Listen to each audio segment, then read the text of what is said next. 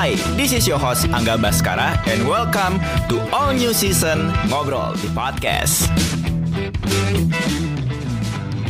Buat kamu yang baru dengerin, Ngobrol di Podcast adalah podcast mingguan yang menghadirkan berbagai macam topik dari banyak narasumber dengan latar yang berbeda. Di sini bisnisnya Wanen Jaliu di kandang. mau lagi minum Amer, mau minum whisky Jadi kalau ada masyarakat menganggap saya yang raja, budak cinta sebagai perempuan juga eh, nggak tabu-tabu banget soal seks. harusnya tuh diajarin gitu sebelum orang memutuskan kalau nggak ditargetin ya bodo amat gitu jadi itu yang membawa saya berbeda dengan yang lain. So, don't miss it. Listen to us every Wednesday only on your lovely digital platform. Kupingin yuk!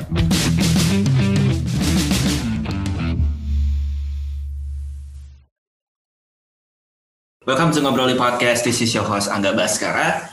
Well, ini adalah episode setelah melewati episode 100 dan di episode ini aku akan ngobrol sama temen temen lamaku yang dia udah pindah ke Jakarta tapi masih sering sih pulang pergi Bali Bali Jakarta dan karirnya di dunia musik ini bisa dikatakan moncer karena berhasil move on atau keluar dari zona nyaman ya nggak Nat? Enggak juga sih, Mas. Oke, please welcome our guest in this episode ada Natara Harja. Halo, halo. Jadi Udah. udah Wah ya kali udah 100 episode lebih, Mas. Iya, Ci, udah eh, semakin ini 102 Nat. Wih, mantap. Mancar. Ya, biar ada lo kegiatan lo. Ya, ya. Eh, Nat, eh, ini kan Ah. Ki udah berapa lama sih di Jakarta hitungannya berarti? Hmm, kayaknya aku pindah tuh kayak 2018 awal. Pokoknya pas KPR rilis album, eh rilis EP Galaxy Palapa tuh. Hmm, Eh, kayaknya sih 2018 tuh. 2018 awal ya? Kayaknya, ya. Ingatku sih 2018 awal. Tiga tahun lah berarti. Itu berarti waktu Trill Cut masih ada ya? Thrill Cult tuh kayak Thrill Cult Records tuh kayak udah nggak ada. Di 2018 tuh udah nggak ada Trill Cut. ya udah nggak berjalan lah, udah nggak berjalan dari waktu kayak dari waktu kan aku berdua soalnya sama Uta kan. Mm-mm, Terus dari mau cabut juga udah nggak kepegang kalau sendiri. Eh, dan aku juga akhirnya kan waktu itu udah pindah masuk kantor tuh aku di perhotelan waktu itu udah gitu. Terus ya emang udah gak kepegang aja sih. Tektokan juga susah lah gitu. Eh, maksudnya mau dikerjain jarak jauh juga susah. Jadi ya udah dibekukan lah. Sampai sekarang. Ya. Kle, padahal keren sih. Ya Apa? orang sampai di satu sama Uta. Itu dah. Dan aku juga inget banget acaramu, eh, acara kalian tuh yang di Lingkar Apa? Art Lingkar Art. Sekarang udah nggak ada tempatnya. Wah, itu pecah banget sih. Trio Fest ya. Kamu Iya, main juga. Uh, uh, aku main di Trifest. Posternya masih ada, aku tempel di kamar. itu 2000 2017 apa 16 ya? Lupa aku. Pokoknya bulan Juli, ingat banget. Yang bikin yang bikin posternya tuh si Andre. Wah, aku masih ingat sedetail itu. Tapi Itu aku suka. Iya bener keren banget posternya tapi dari dari dari sana awalnya nih sebelum kayak bikin Trill Cult terus eh, apa kamu move ke Jakarta gitu memang dari awal emang cari bisnis musik ya Eh, emang ada kan emang waktu itu kuliah tuh emang eh, apa namanya entertainment manager gitu. Eh apa nih apa ya entertainment business manager management. Mm-mm. terus eh, emang ada dari dulu kan emang ada ketertarikan di musik aja kan. Terus ya udah mending aku kerjain yang emang aku suka gitu. Mm-mm. Eh, dari awalnya hobi ya pengennya bisa menjadi masukan lah gitu. Tanggungan hidup. Itu aku sempat dengar juga dari anak-anak Rolfas waktu itu kan waktu kamu masih sama Rolfas eh, sempat ke Aus- Aussie ya? Apa tuh ya? Oh aku ya aku sempat Hmm. ke sana tuh eh, apa namanya pakai working holiday gitu tapi cuma setahun kayak. Setahun karena kayaknya sebelum berangkat oh, lupa aku sih sebelum berangkat tuh kayak aku udah emang gabung sama Rollfest apa belum ya lupa. Tapi Aha. berangkat terus kayak ya Rollfestnya juga terus ada progres kan dan eh, aku ya kepikiran lah gitu loh maksudnya Mm, kayak mm. nggak enak juga kalau jaraknya jauh gini Eh, susah ya komunikasi. ya harusnya tuh aku itu berlaku dua tahun tuh tapi aku kayak udah lah kayak mending aku mencoba sesuatu aja gitu ya udah akhirnya aku setahun aja habis itu balik itu Oh itu itu bukan bukan uh, lanjutin kuliah kayak pathway gitu ya berarti ya? Enggak, enggak. Aku cuman working holiday itu. Ah sambil sambil cari ini apa namanya uh, channel buat main di Aussie. Eh, s- kalau waktu itu sih, eh, kalau dibilang channel sih sebenarnya enggak sih ya. Kayak eh, channel tuh udah dapat dari waktu zaman kuliah tuh udah adalah kenalan-kenalan gitu. Cuman Mm, mm, mm. kalau waktu kerja mah aku emang butuh nyari duit aja sih waktu itu. Jadinya kayak kerjanya uh, kuliahnya di Jakarta Kuliah, uh, di kuliahnya Aussie. ya sempat di Melbourne. Ah itu juga musik. Nah karena ki lulusan kemarin sekolah uh, entertain manajernya di Melbourne, berarti Hmm. apa sih yang istimewa di sana gitu loh yang dari maksudnya ilmu yang bisa kayak aplikasi sampai sekarang dibandingkan kalau misalnya nih kayak lihat sekolah-sekolah uh, yang seperti itu di Indonesia. Sebenarnya sih sejujurnya ternyata setelah aku pelajarin dan udah lulus tuh kayak itu cukup cukup general gitu loh, Bas. Mm. dan kayak kamu nggak perlu kuliah mengambil kuliah jurusan itu gitu aku makanya aku Serius? lumayan ya aku lumayan nyesal sih waktu itu ngambil jurusan itu karena ternyata ya kamu lebih penting kamu emang terjun ke lapangan atau ya kamu nyari link aja kamu nice try untuk uh, Hmm. ya kamu muka tebel aja gitu loh kayak ngobrol sama orang aja ya tiba-tiba kamu nyamperin siapa atau kamu nge-DM siapa itu kayak jauh lebih oke dibanding kamu mempelajarin yang kayak ya pelajarannya juga cukup standar karena apa yang aku pelajarin tuh waktu itu ternyata emang udah aku lakuin juga gitu. Terus ya nggak nggak terlalu ini sih menurutku. Mending aku kayak sebenarnya waktu itu aku pengennya mengambil aku accounting kan. Mm, mm, mm, mm. accounting uh, karena emang waktu itu aku suka banget accounting waktu di uh, di di sekolah waktu SMA gitu kan. Mm, mm. terus baru ternyata ada musik jadinya aku gobloknya aku malah milih ke sana kalau aku belajar ngambilnya accounting atau ya yang bis- ya jurusan apa kayak bisnis gitu atau apa mungkin akan lebih berguna buat aku sekarang juga biar aku bisa jalanin musik tapi aku ada basic knowledge Di bisnisnya juga.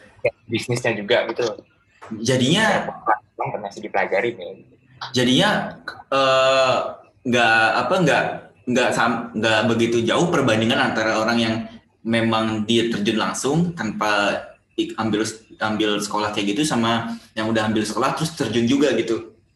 ya kan Mas, sama aja sih yang dipelajarin mas maksudnya kalau kamu emang pengen di musik ya udah kamu menurutku ya mun- mungkin kamu mending langsung aja ambil yang belajar audionya gitu atau Hmm. belajar emang music apanya kayak eh, apa sih kayak sekolah musiknya gitu loh Hmm. yang kamu ambil entertainment bisnis gitu soalnya waktu itu aku pelajarin copyright atau hukum gitu juga kayak ya nggak berlaku di sini juga gitu loh. Maksudnya Nggak berlaku di sini.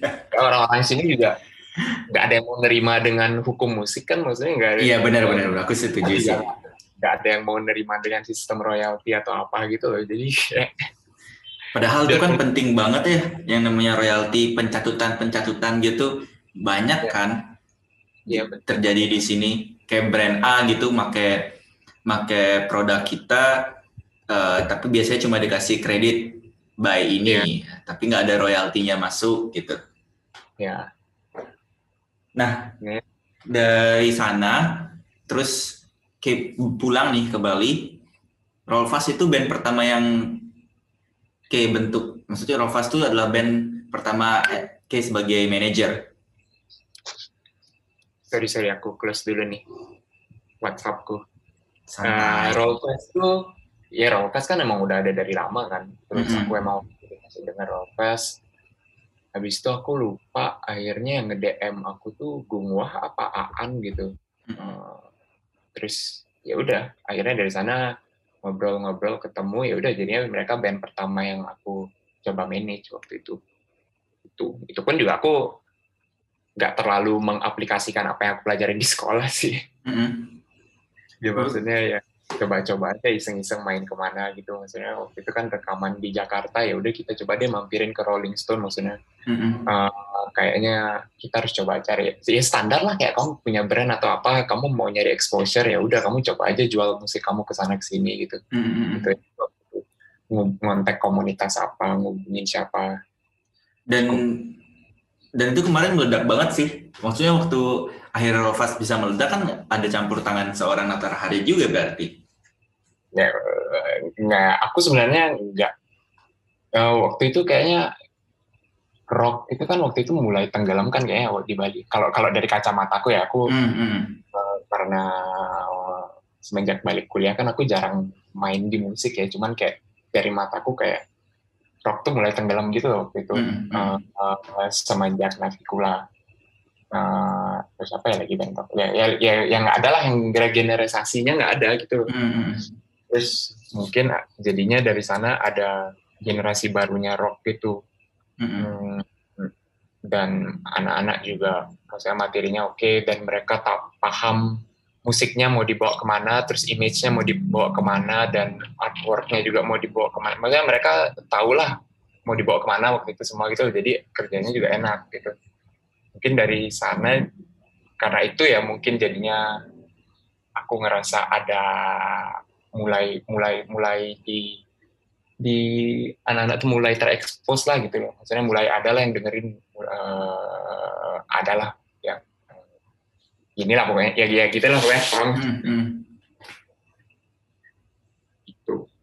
Oh, menarik ya kalau lihat karena waktu itu setelah Rovas bisa tiba-tiba ke megang tiga band lagi, la- tiga band sekaligus atau langsung gitu. Ada Rovas, ada Zat Kimia, sama Jangar. Iya. Dan akhirnya bertahan di Jangar. Ini ceritanya gimana sih Nat bisa bi- berani banget megang tiga band langsung? Karena kan nggak gampang megang satu band aja. Itu eh, challengingnya nggak gampang gitu, apalagi kalau tiga band langsung. Eh, aku waktu itu cuman penasaran, aku sebenarnya ya penasaran aja sih kayak zat kimia jangar, mungkin jangar sama Rolfes kan masih ada benang merahnya lah gitu. Mm-mm. tapi kalau zat kimia tuh eh, waktu itu kan Rolfes juga udah kayak mulai main di luar kota gitu kan dan udah ada lah pendengar-pendengarnya dari kota-kota lain dan aku udah kayak oh ini rock berarti bisa nih gitu kan Mm-mm. Eh, dan eh, zat kimia itu waktu itu aku mikir kayak ya rock aja bisa masa musik yang lebih ngepop gitu yang lebih gampang didengar yang marketnya jauh lebih luas masa aku nggak bisa sih gitu. Mm-mm. Ah, ya udah makanya aku akhirnya kayak dan musiknya juga emang aku suka banget. Maksudnya aku juga ngefans sama player-playernya semua kan kayak mereka emang bandnya tight aja semua gitu. Terus ya udah. Dan kamu basicnya pasti kamu pengen memegang band ya karena kamu aku sih karena aku ngefans berat gitu loh dengan lagunya. Aku suka banget dengan lagumu ya udah aku pengen coba bantuin gitu Eh, kamu mau arahnya dibawa ke mana gitu. Ya udah makanya dari sana waktu itu megang eh, coba ngobrol sama Edi basisnya zat kimia. Terus ya udah ternyata eh, ya udah jalan akhirnya sampai album pertama. Eh, kalau Jangar itu kan emang teman-teman dari waktu zaman nongkrong di JIS kayaknya. JIS-nya JIS itu kan waktu base campnya Rolfes dan Ah. anak-anak lain kan. Ada Pavana uh, Rolfes, Pavana, Jangar terus apa ya? Lupa aku. Eh, terus ya udah eh, akhirnya Jangar waktu itu mau main di mana gitu aku lupa. Terus aku iseng-iseng aja aku udah manajerin di sini gitu. Oh di ini di Custom War. di Weekend Warrior. Oh ya Weekend Warrior, Weekend Warrior, sorry. kayaknya sih kayaknya sih dari waktu itu ya tapi waktu Hmm. itu belum official gitu habis itu baru ya setelah itu baru akhirnya aku lupa ceritanya akhirnya bergabung deh. Secara Iya, resmi sama Jangar. Terus ya udah jalan waktu akhirnya kayak ada perbedaan visi dan misi sama Rollfest dan. Virginia akhirnya. Eh, dan yang aku paling bisa eh, apa namanya garap apa pun aku bisa main yuk sikat sikat sikat miring gitu itu tuh Hmm. aku sama Jangar gitu loh karena anak-anaknya juga yang emang yuk bisa bisa bisa gitu loh. jadi eh, kayaknya kita punya visi masih share masih nge-share visi dan misi yang sama gitu loh jadi ya udah ya akhirnya kita masih jalan sampai sekarang gitu Jadi yang yang masih yang masih visi misi ini sama jangan aja berarti sekarang ya untuk saat ini. Cuma kan Oke. ketika kamu megang tiga band ini kayak wah meledak banget nat di mana-mana. Maksudnya berhasil gitu. Eh, jadi kayak sentuhannya seorang Nata tuh tangan emas gitu loh. Yang aku lihat ya, yang aku lihat ya karena megang zat kimia, kimia meledak album eh, diterima di mana-mana. Jangan juga kayak gitu meledak, diterima di mana-mana. Ini jadi bukti nyata bahwa eh, apa yang kamu lakukan sebagai orang belakang layar itu benar-benar punya power banget dan ini yang bikin akhirnya kamu dilirik sama berita angkasa atau ada faktor lain nih ya yang memutuskan kamu untuk ya udah dah move aja nih ke Jakarta kayaknya di Bali udah cukup gitu Eh, kalau masuk berita angkasa itu kan sebenarnya aku udah kenal Risma itu kan foundernya berita angkasa ya. dia Mm-mm. manajer kelompok penerbang roket kan Eh, aku kenal Risma itu kan emang udah cukup lama kayaknya dari eh, pokoknya waktu KPR mau tur Bali juga aku sempat mau hampir bantuin akhirnya tapi dia jalannya sama Quicksilver gitu kan Mm-mm. Udah dari sana emang kita akhirnya sering tektokan uh, dia ngundang Roll Fest main dia ngundang Jangar main Zat Kimia juga. Terus uh, sampai akhirnya waktu aku udah punya gawe kantoran di Legian tuh udah pokoknya ditelepon sama dia pokoknya buat lagi, lagi break dah pokoknya. Terus aku juga emang lagi momen waktu itu udah kayak bosen dengan uh, dengan gawean kantor yang di hotel gitu loh dengan kamu harus rutinitas ya ya benar-benar pas gitu tuh aku udah bosen ya udah akhirnya ternyata pas itu Risma nelfon "Nat, mau pindah Jakarta gitu. Oh ya udah ayo gitu. Tapi aku emang udah bilang di awal aku sih nggak bakal menetap di Jakarta nggak bakal lama. Aku emang ke sana emang pengen nyari link gitu kan nyari nyari kenalan gitu nyari relasi baru terus nyari ya mempelajari hal-hal lain aja gitu. Eh, ya udah akhirnya aku pindah gitu tuh ada yang kamu sesali nggak dari pindah ke Jakarta nih dari Bali waktu itu Ah, yang aku sesalin sih kayaknya. Jadi sekarang tuh aku pulang Bali rasanya kayak banyak ketinggalan gitu loh. Mm-mm. Ya emang kan ternyata kembangannya juga makin seru kan banyak ah, dari segi musik maupun dari segi apa kayak ah, gimana apa pergerakan komunitas dan lain-lain gitu.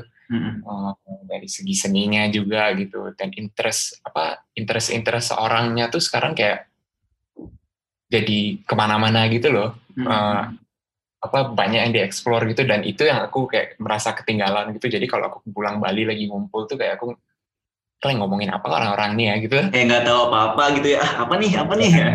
Gogonnya yang mana nih karena kalau di sini kan kamu aku ngerasanya sih kamu lebih ngebahas segi bisnisnya gitu loh. Mm-mm. segi gimana cara ngejual ini ya atau gimana ya, ya, ya, ya gimana kamu ngemuterin duit ya bi- bisnis aja gitu loh. Tapi kayak Hmm. aku nggak kalau itu beneran ngebahas suatu seninya gitu loh. Nggak ada nggak bahas idealis dalam kamu berkaryanya gitu. Dan dan kalau aku pulang ke Bali itu yang aku itu yang aku dengerin gitu loh. Kayak semua ada ada kamu ngebikin sesuatu tuh semua ada ceritanya gitu Mm-mm. ada Nah, storytellingnya ya Nah, itu yang aku udah terketinggalan untuk apa di bagian storytellingnya tuh yang kayak oh ya aku mau keep up juga kayak kayak apa dia omongin ya gitu. berarti kamu merindukan obrolan ya itu berarti maksudnya kayak oh ketika ketika teman-teman lagi bahas uh, materi ini ternyata ada ini cerita di baliknya yang itu jadi jadi uh, apa obrolan bareng itu yang benar-benar kamu kangenin yang nggak ada di Jakarta. Ya aku ketinggalan, aku ngerasa ketinggalan itu aja sih ya, yang aku sesalinnya itu. dan Tapi rencana dan rencana dan rencana untuk menetap di, di Jakarta berapa tahun lagi nih kira-kira? Apa udah apa udah cukup? Dengan rasa udah cukup? Kayak udah cukup nih. Waktunya pulang Mhm. mengembangkan Mhm. skena di sini. Aku sih ada rencana pulang mungkin secepatnya, mungkin tahun ini gitu. Mhm. Ya emang pengen balik aja dan mulai ya ya ya kayak kamu bilang tadi ya pengen bikin sesuatu aja lagi di Bali. Jalan bakal lanjut lagi nggak? Setelah kurang lebih tiga tahun vakum nggak tahu sih kalau itu aku aku belum tahu tuh gimana kelanjutannya. Masih abu-abu? Masih abu-abu kalau trail cult kayak Tapi Nat, bu- eh, yang teman-teman di Bali perlu tahu kayaknya nih, kan teman-teman di Bali nih masih pada senang banget ya jadi orang depan layar yang eh, menurut aku ya dari kacamata aku nih, nggak tahu Hmm. dari kacamata gimana.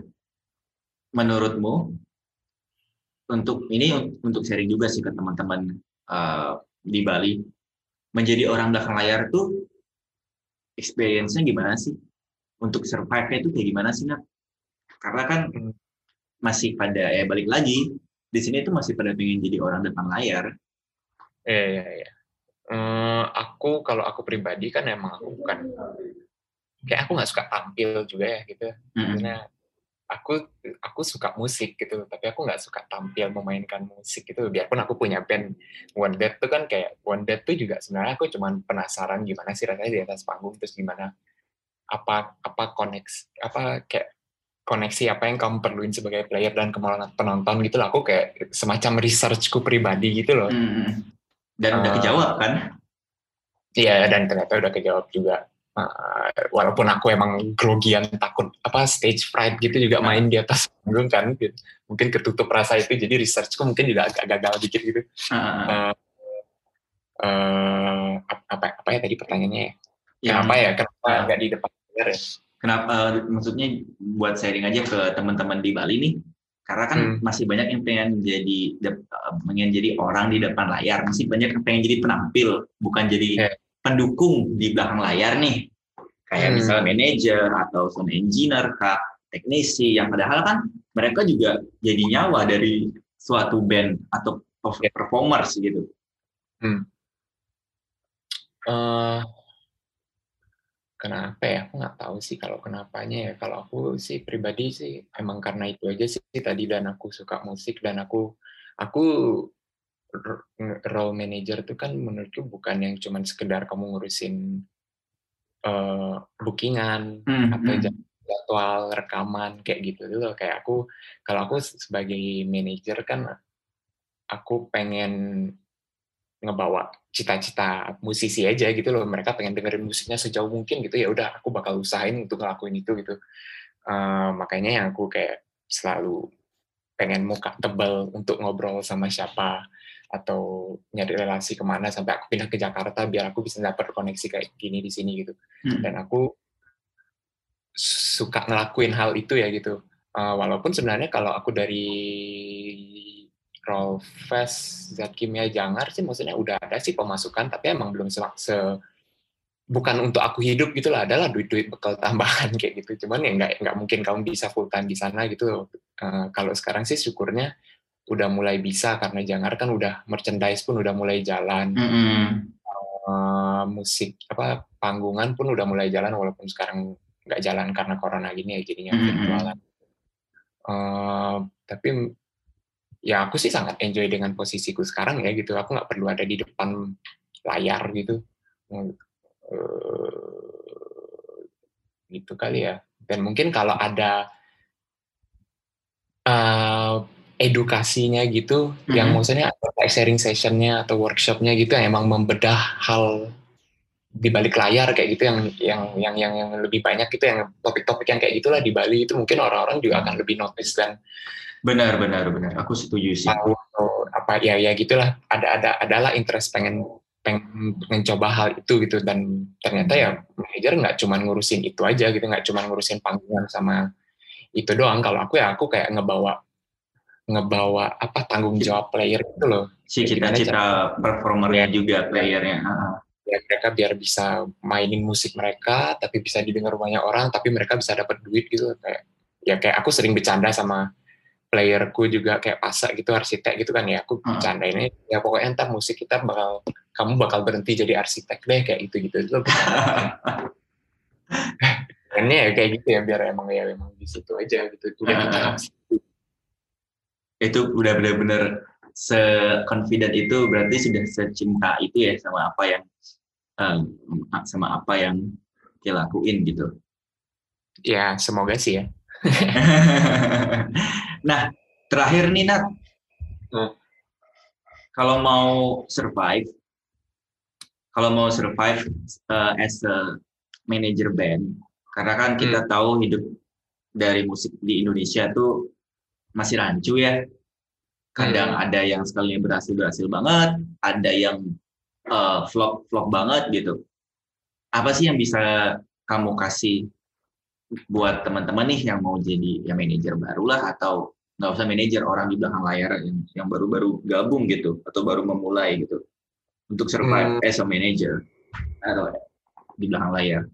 aku bisa bilang kalau untuk baru gabung sih kamu nggak bisa expect banyak untuk survive ya karena aku pun selama sekian tahun ngelakuin semua itu ya gratis gitu loh Hmm, hmm. gratis itu maksudnya karena aku pure fan saja dengan musik kalian gitu. Makanya aku membuat dari sana memposisikan diri jadi manajer habis itu dari sana dapat uang tambahan dikit-dikit. Tapi kalau untuk dibilang survive sih enggak gitu. Cuman ntar kalau emang dengan seringnya waktu gitu kalau kamu udah musiknya udah mulai didengar gitu kan eh, banyak caranya buat kamu bisa survive dari ya tergantung deal-dealannya sama bandnya. Kamu sebagai manajer toh atau kamu sebagai pembagiannya mau sebagai player kelima gitu misalnya kayak nama pokoknya kayak kayak semacam player berlima gitu kan jadi uh, pemasukannya emang kita bagi lima gitu Aku juga Oh. gitu sih di White Swan as a player Ya. kelima.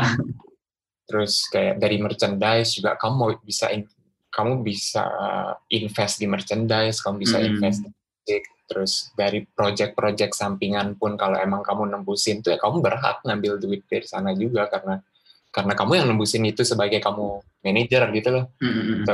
Tapi kalau urusan lagu gitu kan kamu nggak berhak ngambil kan karena itu kamu nggak nulis lagunya gitu loh jadi ngapain juga kamu Betul, ngambil betul. Tapi kalau kamu nembusin project ya kamu ya itu kamu yang tebusin gitu loh jadi kamu berhak juga ngambil dari sana gitu ba benar banyak sih kalau pemasukan pemasukan yang bisa diiniin mah Jadi Eh.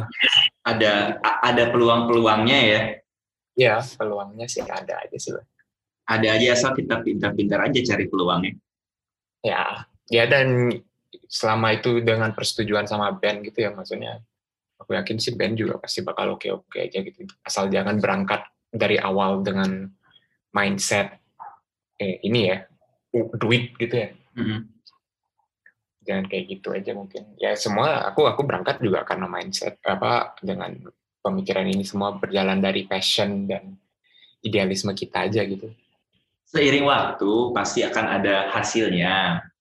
iya Nggak- sih, nggak nggak nggak melulu ber- membahas soal duit, duit, duit. ya itu aku agak males sih Iya, bener, bener. Aku juga sama bener banget, bener banget. Kalau misalnya udah nggak passion tapi bahasnya duit terus, ya mending nggak deh, jangan. Oke deh, Ya, Nat. kalau- Thank you, Nat.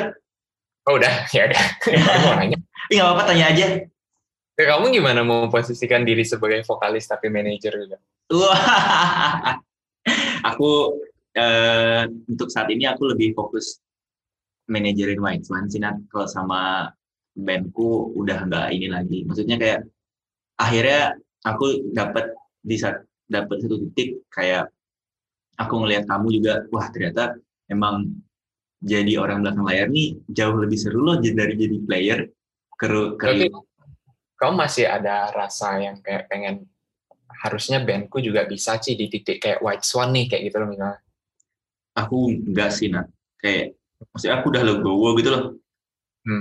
toh, juga player-playerku eh, apa satu eh, jadi tim juga di White Swan jadinya maksudnya lingkaran lingkaran rezekinya tuh aku nggak jauh-jauh eh, berbaginya gitu ya Tapi kayak- kan di Hmm? kamu ngebentuk sport juga pasti dengan cita-cita kan. ya pasti pasti Uh, ya gimana sampai akhirnya kamu harus ngelewat ngelepas itu untuk jadi di belakang layar. Klien jadinya lebih luang pertanyaan cang lah. Eh, gimana ya? Kayak aku lihat apa namanya emang satu emang udah nggak ada ini lagi. Sih dari akunya udah nggak ada kena buat main lagi no kemarin aja aku sempet lah. dua hal yang berbeda kan Bas? Maksudnya di sebagai musisi ya kamu emang kayak kamu bisa keluarin unek-unekmu kamu bisa keluarin feelingmu emosionalmu semua kamu bisa tulis dan kamu bisa nyanyiin di depan audiens yang eh, rame gitu kan kamu Mhm. bisa ngebangun panasnya gitu loh Mm-mm. sedangkan kalau di musik kan kamu kayak ngurusin panasnya orang gitu loh kamu ngurusin kepala orang yang kadang BM-nya beda-beda atau apa gitu. jadi kamu jadi kayak orang tua aja gitu sedangkan kalau kamu di band ya kamu jadi anak kecil aja yang kamu cuma pengen main gitu Nah, itu dah. Kayaknya eh, untuk aku pribadi, mentalku, aku sih menganggap ya, mentalku kayak udah di, di di tahap itu, di tahap yang aku ngurusin, suka aja ngurusin band orang, terus eh, apa secara langsung cita-cita yang sama, apa yang nggak bisa aku capai itu, oh bisa aku capai bareng mereka. Berarti aku berpikir selama ini, waktu aku masih ngeband, aku sendirian loh. Dan aku sendirian gitu. Apa apa aku kerjain sendiri. Dan Hmm. setelah setelah aku bareng sama White Swan oh, aku nggak sendiri nih. Ternyata yang aku aja sevisi misi ini bisa jalan bareng nih. Oh gini tuh rasanya. Ya ya jadi kayak punya channel-channel yang aku dapat dari teman-teman dari kamu dari mana pun kepake akhirnya sama White Swan yang Iya, yang iya. yang pas aku sama Mur tuh bisa bisa aku pakai tapi kayak kok eh, temboknya atau pintunya keras banget sih gak bisa dibuka nih Iya, iya, iya. gitu Hmm. itu sih Oke, oke. Sip, thank you udah datang di podcastku Basa. Iya, thank you ya Nat udah ngundang aku. thank you Nata udah ngobrol-ngobrolin ngobrolin podcast. Thank you, Episode Bas. ini bisa teman-teman dengerin di Spotify. Selamat berkegiatan. Ya, selamat hari Minggu. Selamat hari Minggu. Kami berdua pamit. Bye. Bye.